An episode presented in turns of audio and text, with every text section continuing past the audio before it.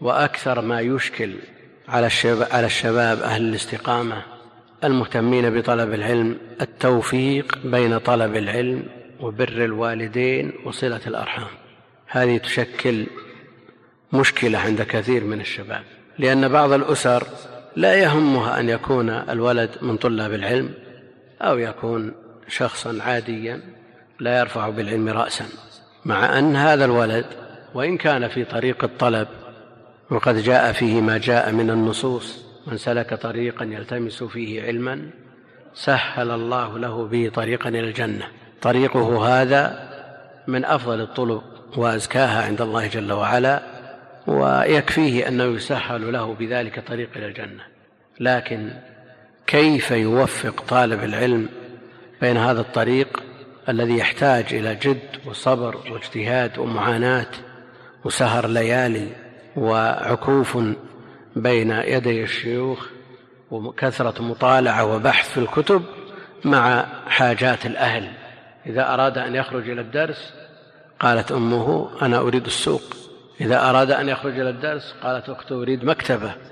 إذا أراد أن يخرج إلى الدرس قال أبوه أريد أن أذهب إلى المحل. هذه مشكلة كبيرة عند طلاب العلم. ولذا نجد الخلل في التطبيق عند بعض طلاب العلم مع الأسف الشديد. تجد طالب العلم يسهل عليه جدا أن يأتي الزميل فيقول هيا بنا إلى نزهة أو إلى استراحة فيجد الأمر في غاية الخفة على نفسه ويستجيب له مباشرة وإذا قالت له أمه أو أبوه أو خالته أو عمته أريد المشوار وإن كان قريبا في الحي ثقل ذلك عليه.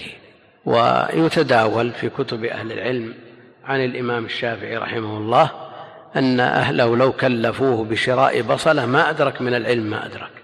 فالتوفيق بين هذه الأمور لا شك أنها تثقل كاهل طالب العلم وتعوقه عن التحصيل في بادئ الأمر لكنه إن وفق للتوفيق بين بر الوالدين وصلة الأرحام والوقت يستوعب. إن وفق إلى الجمع بين هذا كله مع طلب العلم فإنه لا شك أنه يعان.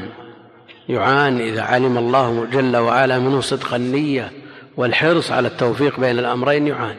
وكم من شكوى جاءت من قبل الوالد أو الوالدة لبعض الطلاب النابهين الذين لديهم اهتمام وحرص على تحصيل العلم.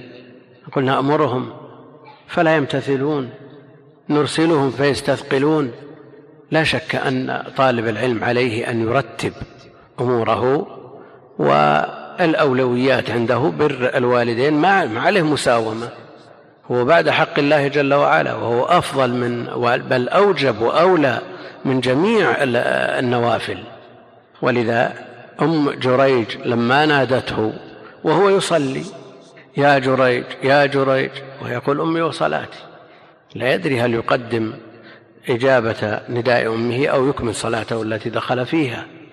فما كان من الأم إلا أن دعت عليه فاستجيبت الدعوة. ويخشى من إجابة دعوة أم مكلومة وإن كان طريق الطالب طريق الطلب يعني الطالب يريد يريد أن يخرج لطلب علم.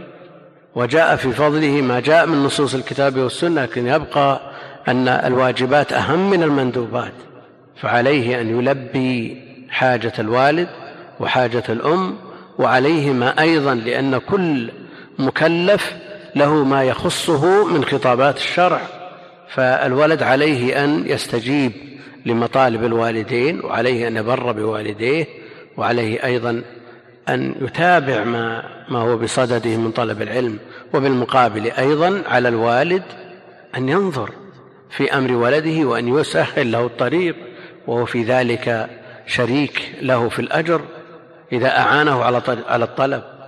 فإذا أعانه على الطلب وحصل ما حصل من العلم ونفع ونفع الله به للوالد شريك. الوالد شريك له نصيب من من الأجر وكذلك الوالدة التي يسرت له هذا الطلب. فعلى الولد أن يبر بوالديه ويصل أرحامه وعلى الأسرة أيضا أن ييسروا على والدهم ويخففوا عنه بقدر الإمكان. ويتركوا الأمور التي لا داعي لها. وإذا كان عندهم من الأولاد غير هذا الولد يفرغوه لطلب العلم. لأن فضل العلم وما جاء فيه من النصوص أمر مستفيض. يرفع الله الذين آمنوا منكم والذين أوتوا العلم درجات. لا نظن الدرجات عشرة سنتي أو عشرين سنتي كما هي الدرج عندنا في المصاعد والسلالم. لا درجات. يعني في درج الجنة يعني بين كل درجة والأخرى مسافات بعيدة جدا. فإذا رفع في درجات الجنة كان للوالد نصيب من ذلك. الذي أعان فعلى الوالدين أن ييسروا طريق الطلب لولده وعلى الوالد أو على الولد أيضا أن يبر بوالديه ويصل أرحامه. هذه كثير ما يسأل عنها ويستصل كثير من من النساء يسألن مقرونا سؤالهم بالبكاء. نريد أن نذهب إلى إخواننا وأخواتنا ونصل أرحامنا لكن الولد ما يستجيب. والولد بصدد طلب علم. نقول هذا خلل في التصور. يعني إن قدم الطلب على بر الوالدين هذا ما شك أنه لديه خلل في النظرة إلى الأمور الشرعية والموازنة والمفاضلة بينها.